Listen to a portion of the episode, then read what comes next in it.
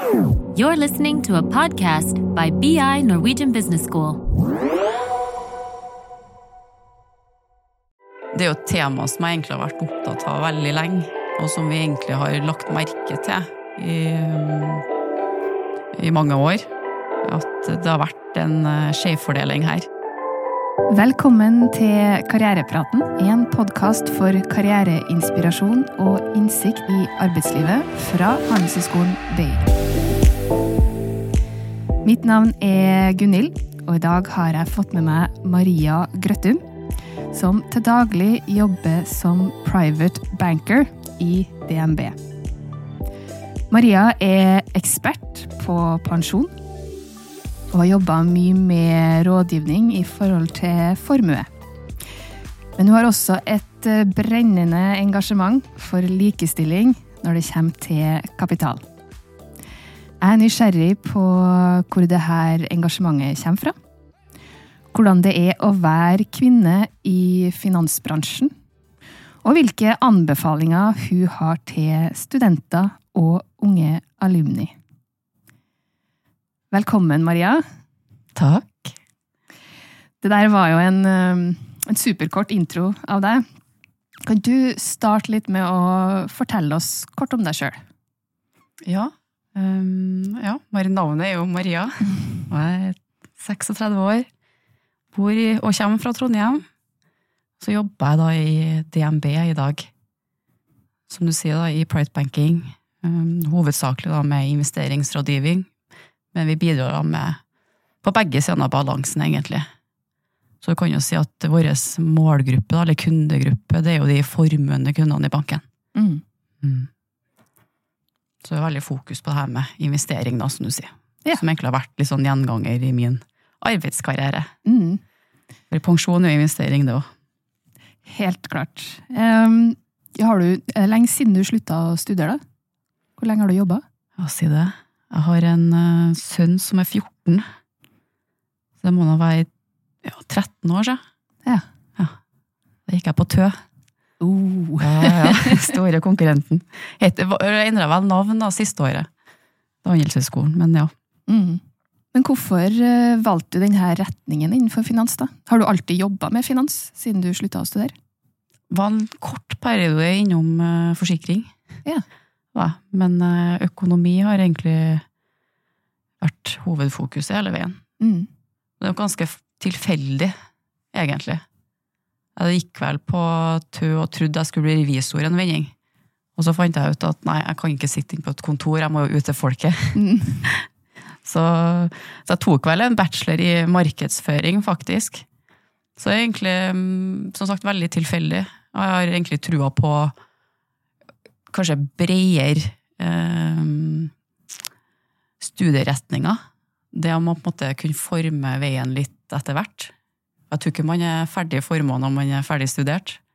Så jeg tror det egentlig handler om, mer om å komme seg inn en plass, og så finner man ut hva som er interessant og gøy å drive med. Mm.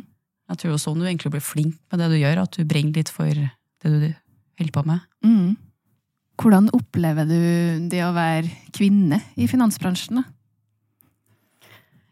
I finansbransjen så tror jeg vi er ganske likestilt der, egentlig. Det er nok like så mange damer, tror jeg, i bank som det er menn. Men når det kommer til ja, kanskje rollen å jobbe som investeringsrådgiver, så tror jeg kanskje vi kunne ha fått med enda flere damer. Mm. Men jeg opplever uh, I DNB nå så er jeg jo faktisk eneste dama, men nå er jo ikke vi så mange på mitt team. Um, så jeg, jeg sjekker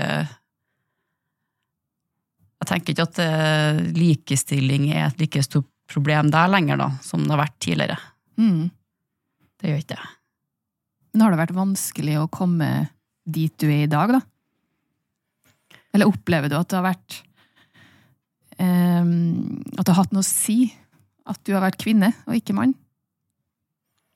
Jeg tror ikke jeg nødvendigvis har opplevd det. Um, jeg tror jeg, jeg liker jo å ta litt plass. Um, og det var samme som da jeg søkte jobb inn til Nordea òg, der jeg jobba tidligere. Så sto det jo blant annet i jobbannonsen at man skulle helst, være da, autorisert rådgiver, noe jeg absolutt ikke var. Men jeg syns jo litt gøy. Jeg, syns jobbintervju er kjempeartig. Og jeg syns det er gøy å prøve å søke på ting man nødvendigvis ikke kvalifiserer til. For det handler litt om å putte seg i de situasjonene. Jeg tror du må Ting havner ikke i fanget. Så um, ja, jeg har ikke følt at det har vært så vanskelig for min del. Jeg tror nok at jeg har vært litt heldig òg, de plassene jeg har vært, at jeg har fått de mulighetene jeg har fått. Eh, absolutt. Men jeg tror det handler litt om egeninnsats òg. At Mm. man må være litt klar på hva man ønsker, og ta de mulighetene man får, da. Mm. Mm. Og være villig til å ta litt risiko, Absolutt. som vi skal komme tilbake til litt etterpå. Men opplever du det sånn at bedrifter, ikke nødvendigvis der du er nå, men generelt, ansetter kvinner fremfor menn for å få mangfold i finansbransjen? Ikke nødvendigvis i eh, finansbransjen, tror jeg. Um, det er mulig at det er litt fokus på ulike kall det skjønn ut ifra hvilke stillinger man har. Men jeg opplever ikke at det er um, forskjellsbehandling sånn sett. Så jeg tror ikke det er et kalle bransjeproblem. Men det jeg merker kanskje mer er på Sånn som kundene mine er jo ofte ledere i selskap, eiere. Um, og der er det jo litt snakk, uh, snakk om innkvotering, og at man kanskje føler seg litt uh, satt plasser man ikke burde være. Men um, ikke i finansbransjen. Men tenker du at ei kvinne har med seg andre kvaliteter enn menn inn i en jobb? Det tror jeg absolutt. Jeg tror En ting er at det er mangfold, uh, uansett hvem personen er. Men så tror jeg også vi har uh, sånn generelt litt iboende ulike kvaliteter. Og så kan jo det være på godt og vondt. Jeg tror nok at uh, det jeg ser, da, at menn er nok flinke på det med risiko. De er kanskje flinkere til å ta raskere avgjørelser som ofte må bli gjort når du sitter i stillingene. Mm. Um, mens damer kanskje har et uh, kall større følelsesmessig register og viser kanskje mer omtanke og kan være veldig gode ledere på den måten. Mm. Men jeg tror nok også, til syvende og sist så tror jeg det er veldig individuelt, så det er veldig det kjedelig å høre at uh, uh, man blir um, man, man får en stilling kun på grunn av uh, sitt kjønn. Da. Jeg tror ikke vi damer har lyst på en jobb heller bare for at vi er damer. Vi har jo lyst til å være der for at vi kan bidra. Mm. Og fordi du var den beste som søkte på stillingen? Absolutt. Ja, og så jobber du med et initiativ hos DNB som heter Hun investerer. Kan du Ja. fortelle meg litt om det? Jo, um, jeg husker veldig godt når um, reklamen kom ut første gangen. Da jobba jeg i en konkurrerende bank, og det er jo et tema som jeg egentlig har vært opptatt av veldig lenge, og som vi egentlig har lagt merke til i, um, i mange år. At det har vært en uh, skjevfordeling her. Så ser jeg den reklamen på TV-en med Beyoncé og det traff ordentlig, og jeg husker jeg var ordentlig sint når jeg så den første gangen, for jeg skjønte at ok, nå har konkurrenten kommet med noe som er utrolig bra. Mm. Så det var veldig gøy når jeg fikk eh, jobb i DNB, og egentlig ganske tidlig ble spurt om å få være med på reisa her. Så siden det var vel to, to måneder etter oppstart, så har jeg egentlig fått lov til å ta en del i det. Det har Mm. vært veldig gøy. Og det, skjer, det er litt som å se på den kundemassen jeg sitter med. Jeg sitter jo med de mest formuende kundene kundene i banken, og det er klart at over 90% av min portefølje er vel menn, vil jeg påstå å si. Så det er gøy å få, få være med og få flere damer inn i porteføljen, egentlig. Eh, Men hva var det som gjorde at du ble med bare to måneder etter du starta? Jeg er jo litt kalles scenevant fra tidligere av. Jeg har jo holdt mye foredrag, eh, hovedsakelig kanskje innen pensjon på det tidspunktet. Um, men jeg tror det handler om at jeg tror jeg har en litt sånn personlighet som kanskje er litt uredd, som syns det er gøy å få være med. Og så blir det litt sånn som det blir. Jeg tror det er mange som Jeg tror sier ofte, eller ofte får jeg kommentarer på at uh, hvorfor er ikke du nervøs? Så jeg tror egentlig ikke jeg skamvetter å tenke over det engang. det blir alltid litt som det blir. Det er liksom aldri noe som er innøvd. Jeg tenker Jo mer jeg innøver ting, jo mer uh, tullete blir det egentlig, for du blir så fokusert på hva du egentlig skulle ha sagt. Så det er veldig gøy å få snakke om det man uh, interesserer seg for, da. Og så er det jo mm, det er artig å bli sett, ikke sant? Det å Nå er jo det her for damer, så vi håper jo De fleste rundt arrangementet skal jo selvfølgelig være damer. Um, men det er gøy å få være med på. Det er jo en ting at vi har arrangementet her i Trondheim. Vi har jo i år hatt 30 arrangement i 30 ulike byer. Over 6000. Det er jo utsolgt overalt. Ja. Så det er jo kjempepopulært. Altså tydelig en interesse for det, da. Absolutt. Jeg syns det er også et samfunnsansvar. Mm. Så jeg er egentlig ganske stolt over å ha en arbeidsgiver som tar det ansvaret. Eh, For det stammer jo egentlig av at vi har at DNB da, kikka på egne tall og så at her er det ulikheter nesten altså Uavhengig hvilken økonomiske parameter vi så på, så kom damer dårligere ut. Og så tok vi og faktasjekka det opp imot eh, offentlige register, sånn som SSB, Nav, Aksje Norge. Og så ser vi jo at det her er jo ikke bare hos oss, det er ikke bare vår kundemasse, men det er faktisk Norges befolkning. Mm. Og det er jo én ting at vi har kommet veldig langt eh, i likestillinga, men vi mangler tydeligvis Vi har litt å gå på på det økonomiske. Så derfor vi snakker helt om det her eh, kapitalgapet. Én ting er å se på lønnsforskjellene, dem kan ikke vi nødvendigvis gjøre så mye med, men eh, det er litt hva er det vi gjør med pengene våre. Mm. Vi ser jo at damer er ikke nødvendigvis noe dårligere til å spare enn menn, men det handler bare om, formen vi sparer på. Mm. At vi må bli litt flinkere. Og spesielt nå òg, så ser vi Hvis du ser litt på markedet vi er i dag, så er det jo veldig forskjellig i forhold til hva for bare ett år siden. Inflasjonen har jo vært høy. Altså, vi har jo en økning i, på priser på varer og tjenester på over 19% siden 2019. Ja, det er mye. Ja, det er mye. Så det er klart at da må jo sparepengene vokse, dem òg. Mm. Ellers så får du kjøpt mye mindre fram i tid. Men du sier vi eh, ligger litt dårlig an.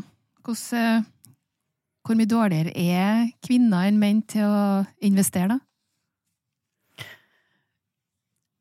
Hvis vi, hvis vi på, Det er en ting å se på tallene i dag. Vi kikka på tall fra 2019. Eh, Og vi har jo en klar, hatt en klar forbedring siden da. Men hvis vi tar bare spareavtaler, så sparer menn fire milliarder mer i året enn det vi damer gjør. Oi. Og norske menn har jo 264 milliarder mer i netto formue enn damer. Så det er klart at kapitalgapet det er stort. Mm. Men det som har vært gøy, er å se at fokus har fungert. For én ting er at vi sier at damer skal bli flinkere til å investere. Og måten å starte der er jo gjerne å starte med å ruste verktøykassa si. da. Investere tid i å skaffe seg kunnskap om det. Vi damer er gjerne litt mer konservative. Vi, vi bruker ofte litt lengre tid på å ta valg. Og så handler det om å bare ikke tenke for lenge på det valget, men å faktisk gjøre noe med det. Så siden oppstart så så vi jo drastisk økning. Vi, nå har vi jo ca. like mange damer som sparer, som vi har menn. Menn sparer fortsatt mer. Men det kan jo komme av lønnsforskjeller igjen, ikke sant? Mm. Men det at vi faktisk har de spareavtalene, tror jeg er viktig. Det er noe med, som heter økonomisk frihet, da. Så det er klart at um, det er viktig. Mm. Mm. Altså, det går ikke bare på um, investeringer, men det går også på hvor gode vi er til å spare. Det tror jeg nok det handler om å ha fokus på, på det området. Det å spare, det, det er mange grunner til hvorfor man skal spare. En ting er at man sparer for at man har lyst til å realisere fremtidige drømmer, som å kjøpe seg en bolig, fritidseiendom, hus, båt, spar til barn, ikke sant? Men en annen ting er jo å investere i ja, kalle egen framtid som pensjon. Det er fremtidig inntekt. Og så skal du jo skal du spare, så skal du også sørge for at du opprettholder kjøpekrafta på de her midlene. Så det er klart at de om det er dine penger, eller om det er barna sine penger, så handler det om å få vekst. Og jeg tror nok at vi nordmenn har nok fått øynene mer åpne for det her med inflasjon, og at, eh, at det blir dyrere å leve framover enn det vi kanskje har vært. Um, Og det som er gøy å se på arrangementene, at um, det er jo ikke bare det å skulle spare um, Det å sette av spare, sparepengene sine til framtidige kjøp, betyr jo også at du er nødt til å skape mer avkastning på dem. For å få kunne kjøpe akkurat det samme fram i tid som i dag. Mm. Det er jo verdiskapning vi snakker om. Mm. Sånn sett er det bedre å kjøpe det i dag hvis du hadde råd til det, enn å kjøpe det fram i tid. ikke sant? Mm. Så vi er opptatt av med, med avkastning. Og så går jo avkastning litt hånd i hånd med det her med risiko. da. Du er nødt til å ta risiko for å få høy avkastning. Mm. Men vi er fortsatt ikke opptatt av at man skal drive og gamble. Vi skal ikke få det her eh, kjempeavkastningene når vi snakker om at du skal spare og investere. For da Mm. kan du faktisk risikere å gå helt motsatt vei også. Men det å skape en god, stabil avkastning over tid, det er det vi er opptatt av. Mm. Men noe annet som er gøy, da, eh, siden oppstart så har vi også klart å skape like mye nye kvinnelige aksjeeiere på de første to årene som vi brukte 20 år på tidligere. Ja. Så det er jo ganske fantastiske tall vi kikker på. Mm. Når du sier at vi sparer aksjer, er det også fond, eller er det ren aksjesparing? De tallene er nok ren aksjesparing. Mm. Mm. Jeg tror nok Igjen så er det opphøyd risiko i en ren aksje, ikke sant? Da er du jo en eierandel i et selskap, og du er helt totalt avhengig av at det selskapet gjør det bra. Når det kommer til spareavtalene, så er det jo mer snakk om fond. Mm. Og jeg tror nok at fond er for flere enn aksjer. Da skal du nok eh, Det krever mye mer av deg som investor, da, å være investert i, investert i aksjer. Mm. Ja, for da må du jo ha litt peiling. Jeg vil anbefale å ha litt peiling. ja. Men det kan svinge mer, og um, er man interessert i å kjøpe aksjer, så absolutt gjør det. Mm. Men anbefalinger om man skal sette opp en spareavtale, eller om du har eh, arva en større formue, så bør jo mesteparten stå i noe som er mer stabilt. Aksjer blir litt uh, gambling for de fleste, Mm. for som sagt så krever det mye, mye innsikt. Men jeg kan forstå at det er gøy å leke seg med, men jeg tror nok at de færreste klarer å slå markedet over tid. Men det er litt sånn som menn, ja, de er veldig flinke til å snakke om når det går fryktelig bra. Snakker ikke så mye om når det går dårlig. Og det viser jo faktisk statistikk òg. De viser jo at når damer først investerer, så har vi en tendens til å hente bedre avkastning enn menn. Og det er fordi vi har en, ofte en bedre etablert strategi, og vi er flinkere til å holde oss i ro når ting svinger. Ja. Mm. Men hvorfor tror du at eh, kvinner investerer mindre? Er det fordi at menn har mer peiling? Eh, tror de har mer peiling? Eller er det rett og slett sånn som du snakka om, at de er mer eh, Eller er villige til å ta mer risiko? Vi sitter jo på litt statistikk, da, så jeg vet jo på en måte svaret på en del av de spørsmålene. Um, og jeg syns det er litt gøy at um, det ser jeg jo også i, i arbeidshverdagen òg. Menn har ofte litt overdreven tro på, på um, egen eh, investering, da. Og det, for det jeg egentlig sier, er at når du driver og investerer og um, bygger det vi kaller porteføljer selv, setter sammen aksjer og fond, så tror du jo egentlig at du klarer å slå markedet. Det er det du prøver på. Så de er, de, men de er flinkere til å ta risiko. De gjør faktisk noen ting, og så det, um, ser vi på markedet tilbake i tid, så har det jo vært fantastisk god vekst i markedet over lang tid. Så det er klart at det har vært veldig vanskelig å gjøre enormt store feil hvis du ikke har tatt uh, veldig høy risiko, vil jeg si. Mm. Mens damer, vi har uh, vært flinkere til å spare på konto. Jeg tror nok at vi um, heller undervurderer oss sjøl. Jeg tror ikke vi er noe, nødvendigvis noe dårligere. Men så handler det litt om interesser også. Jeg tror menn er mye flinkere til å snakke seg imellom om investeringer, og hvilke aksjer de eier, erfaringer osv. Så, videre. Mm. så det er jo en ting eh, vi har litt fokus på, at vi damer må bli flinkere til å snakke om det. Vi skal ikke snakke om det som at vi er forbrukere. Vi, skal ikke, vi trenger ikke å utlevere den økonomiske situasjonen. Vi trenger ikke å snakke om hvor mye vi sparer i måneden, eller hvor mye vi har investert, men kanskje bli litt flinkere til å, å vise litt til egen erfaring. Mm. Eller diskutere, være litt nysgjerrig hvis du vet at noen andre i kretsen din investerer. Mm. Så å få det litt på agendaen tror jeg er viktig. Mm. Mm. Hva tenker du at uh, institusjoner som BI kan gjøre da, for å få det her litt mer uh, på agendaen? Utjevne forskjellene? Eller burde den dialogen her starte tidligere? Ungdomsskole, videregående? Jeg tror at den burde starta tidligere. Nå har jeg jo en gutt på ungdomsskolen sjøl, og jeg tatt satt veldig pris på om det hadde vært opplæring allerede da. For de jo, har jo et enormt fokus på forbruk. Jeg tror de er litt blinde på hvordan penger skapes. Det er ikke noe som nødvendigvis kommer av seg sjøl. Jeg tror det er viktig å starte tidlig. Og så tror jeg ikke at man skal stoppe med det heller. Jeg tror også det kan være fint å få um, økonomisk eh, inputs også gjennom videregående og BI.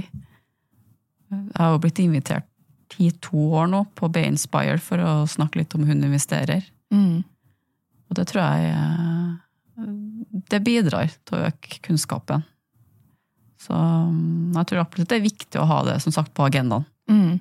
Jeg har jo hørt litt i forkant av den praten her um, hva studentene lurer på. Ja. Um, og det de lurer på, er jo rett og slett hvordan skal man som ung komme i gang med investeringer? Hvilken ende skal man begynne i, på en måte? Ja. Jeg tror man skal gjerne investere tid til å få opp kunnskapen litt før man starter. Mm. Man kan selvfølgelig starte litt blindt i det, men uh, uavhengig um, alder eller erfaring, så tror jeg det handler om å være bevisst og ha, en, um, ha et forhold til egen sparing. Ikke bare nødvendigvis spare for å spare. Tenk litt gjennom hva, hva ønsker man å spare til. Mm. Vær litt bevisst på hva tåler man av svingninger. Og det er jo litt sånn som vi gjør i arbeidshverdagen til oss òg, det. At selv om vi møter på mennesker med god erfaring, så er det viktigste vi gjør, jo egentlig behovsavklare og sette en god strategi. Mm. Og da går vi alltid tilbake til det her med okay, hvilket tidsperspektiv snakker vi om, hva tåler man av svingninger, hva forventer du av avkastning, osv. Og der har jo vi en eh, veldig fin app, hvor man kan få um, konkrete anbefalinger. Så da går de gjennom, da går du gjennom de her spørsmålene i appen og svarer litt, og så får du en konkret anbefaling. Og da er det egentlig bare å starte sparing. Mm. Eller så kan man ta med seg svaret um, videre, da, og bygge en egen portefølje hvis man er utvida interessert. Mm. Så jeg tror det handler om å starte eh, Jeg sier jo alltid at det enkle er ofte det beste, og det tror jeg egentlig stemmer her òg. Jeg tror det handler om å finne en riktig profil, og kan jo og da snakker vi om balansen mellom rente og aksjer. Skal du ha 100% aksjer, er det riktig for deg? Da sier vi at du ofte krever seks års tidsperspektiv eller mer for å ta Mm. den type risiko. For vi kan være såpass uheldige eh, at vi plutselig får en finanskrise. Og ingen som klarte å spå pandemien og fallet der heller. Men det, du kan være veldig uheldig når du starter. På samme måte så kan du jo selvfølgelig være også veldig heldig. Men, eh, men skal man starte en spareavtale, så er det jo noe som skal vedvare over tid. Så jeg tror det med å sette seg litt inn i hva man skal putte pengene sine i, og så må man jo ha et forhold til hva det man kan sette av i måneden. Jeg tror det viktigste er å eh, egentlig lage seg en, eh, en, en, en sparevane som eh, ikke overstiger evnen. For da blir det Mm. veldig fort å få samme vanen til å ta ut av fondene igjen. Mm. Og det vi snakker om, er jo noe som skal vare over lang tid. Ja, ikke sant. For markedet, det vil svinge. Men det er fine med en spareavtale at du kjøper på opp- og nedturer, og så slipper å tenke på timing. For det er jo det som er det desidert vanskeligste i, i vår verden, det er jo det her med timing. Mm. Mm. Er det noe man absolutt ikke skal gjøre, da? Det som frustrerer meg ofte, det er når jeg, Ofte så kommer, kommer det folk fra salen som spør eh, om jeg kan se over porteføljen og komme med konkrete anbefalinger. Og der er jeg jo veldig klar, det kan jeg dessverre ikke gjøre, for det er såpass individuelt. Og derfor jeg hele tida går tilbake til denne spareappen, gå gjennom fondsrådgiveren, få en anbefaling der. Men når jeg også spør hvorfor investerer du i de fondene som du gjør, så har de færreste noen forklaring på det. Det er gjerne fordi at uh, ei venninne har sagt at det her har gått veldig bra, eller ja, man har fått en anbefaling en annen plass. Og så er det sånn at vi er veldig forskjellige. Så det er klart at hvis man er um, hvis det knyter seg i magen og man sover dårlig for at markedet detter mer enn 10 da skal ikke du ha et aksjefond, så enkelt er det. Så det, sier, det handler om å ha et forhold til det, så ikke, ikke investere i noe bare for at noen andre gjør det. Og et enkelt, enkelt eksempel er jo Ta for eksempel under korona så var det jo veldig fokus på her med Norwegian Action. Så det er klart at hvis enen har opplevd en kjempeoppgang siste døgnet på si 40% og du går inn og handler akkurat det samme for at du får en anbefaling på det, da kjøper du gjerne dyrt, og så er du med på den motsatt veien. Mm. Sånn fungerer den verden. Noen vinner, og noen taper. Mm. Så jeg tror det gjør det enkelt. Og så heller bygge seg både, både bygge opp kunnskapsbasen og bygge opp litt erfaring. Og så er det sånn at eh, de, de færreste trenger at det er så fryktelig komplisert. Vi skal bruke tida vår på, på jobb, på, på å være gode der vi er gode. Mm. Og så kan vi heller overlate investeringene til noen andre. Mm. Så bra. Er du flink til å følge dine egne råd, da? Det er det litt både òg. um, privat så er jeg jo flink Jeg sparer i fond, gjør jeg. Um, jeg har alltid vært opptatt av å være selvstendig siden jeg egentlig har vært liten. Så det med å, å vite at jeg alltid klarer meg, det, det har vært fokus på. Så jeg sparer egentlig ganske godt i fond. Um, jeg har ikke nødvendigvis kanskje de fondene som passer meg best. Jeg er nok litt eh, mer interessert i den vanlige personen. Så jeg har nok noen artige fond i porteføljen min som jeg bare syns er artig å følge med på. Men eh, hovedmengden ligger nok litt eh, godt spredt og i noe som står seg over tid, som vi faktisk anbefaler. Mm. Så sånn sett gjør jeg jo det. Men eh, det er jo litt strenge for oss òg, vi får ikke trade aksjer på samme måte, så da Ja, ja, må vi ta noen forhåndsregler. Mm. Hun investerer eh, handler om å være eh, gode kvinnelige forbilder for neste generasjon. Handler det bare om å investere, det her med å være gode, gode forbilder, eller eh, er det andre måter vi kan gjøre det på, sånn økonomisk sett? Jeg skjønner at det er mange måter du kan være et godt forbilde på. Ja, Hvis du tenker på konseptet hun investerer, så er jo, så er jo fokuset på å investere i kun ett av ledene. Vi har jo fokus på det med lederskap, gründerskap, blant annet. Vi er jo gode på de her spørreundersøkelsene. Um, og så har vi jo forstått at uh, barn uh, generelt tror at menn tjener mest, og ofte er sjefen på jobb. Der tror jeg jo det å få fram gode rollemodeller er viktig. Vi må ha noen å se opp til. Ha noen å, vi må se at andre klarer. At vi kan klare det, vi òg. Så damer må bare bli råere til å ta, ta mer plass. Mm. Ta litt risiko.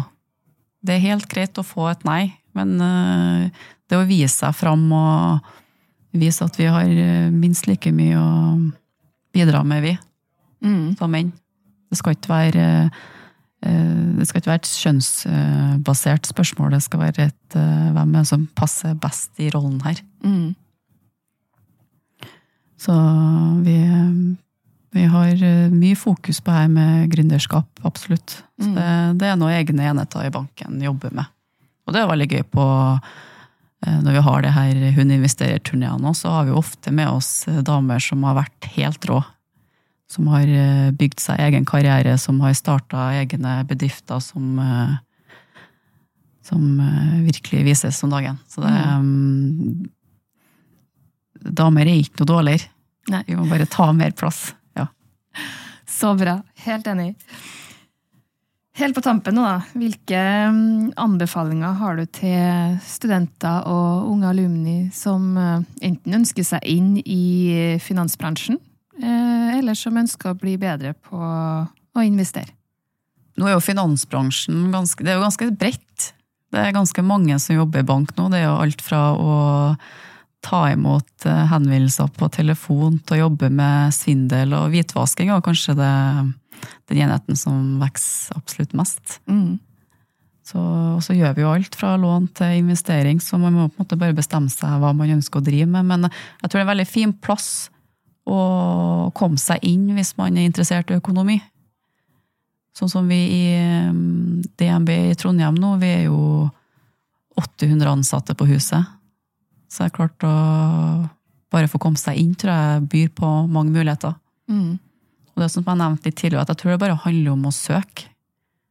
Og så vise seg fram litt. Det, mm, vi skal jo være gode på personer. Så jeg tror ikke man skal være så satt på verken karakterer eller erfaring nødvendigvis. Hvis man, eh, det å gjøre et godt intervju og vise at man eh, brenner litt for eh, yrket, så tror jeg er en veldig fin vei inn. Mm. Når vi snakker om investering, så er vi igjen tilbake til at det, det handler egentlig bare om å kaste seg ut i det. Ikke tenke at det er noe man burde begynt å starte med. Bare komme i gang. Mm. Og beste rådet der er å bare laste ned spareappen. Det spiller ikke en rolle hvilken bankforbindelse man har, men her har du faktisk muligheten til å få et konkret råd ut fra appen. Mm.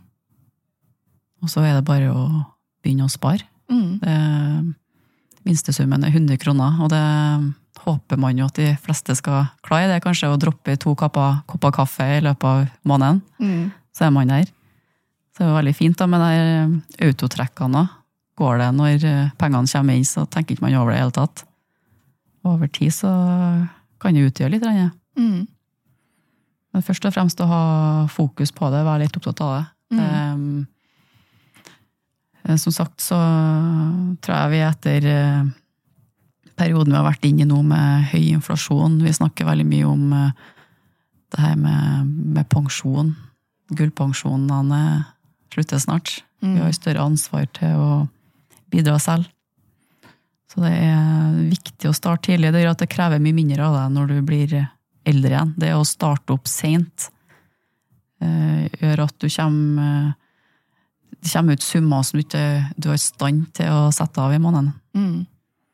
Så ja. Jeg tror det handler om å skape seg sunne vaner, egentlig. Det er litt sånn som når man er ung og skal søke sitt første boliglån. Så krever jo faktisk banken at du skal tåle 5% renteøkning, så i teorien så skal man jo satt av det som tilsvarer den 5% og bare spart det, bare for Mm. å lage seg den vanen. For det er det rommet du i hvert fall skal ha. Så det er jo noe vi ofte anbefaler mange å gjøre. For det handler om vaner. Mm. Og det er litt tilbake til det her med utdanning òg, at jeg tror eh, når det ikke er spesielt fokus, eller vært da, veldig mye fokus på økonomi i, i skolen, så tror jeg de, de fleste som har eh, kaller god forståelse for økonomi, er noe du har lært hjem. Mm. Så, der kan man jo være heldig. Kan ha, man kan ha en familie som har god råd, som, som har fokus på det, som setter av eh, penger månedlig til barna sine og involverer dem. Vi har jo veldig trua på at man skal inkludere neste generasjon òg. Men det er klart at barn kan ikke spare sjøl, og de har ikke penger heller. Men de kan få være med og se litt. Mm. Så ta dem inn tidlig. Tusen takk, Maria, for at du eh, tok turen her eh, i dag. Og takk for eh, gode råd. Jeg tror vi Det jeg tar med meg hovedsakelig videre, er å være mer uredd. Ta litt risiko. Så tusen takk for at du kom. Tusen takk for at jeg fikk være her.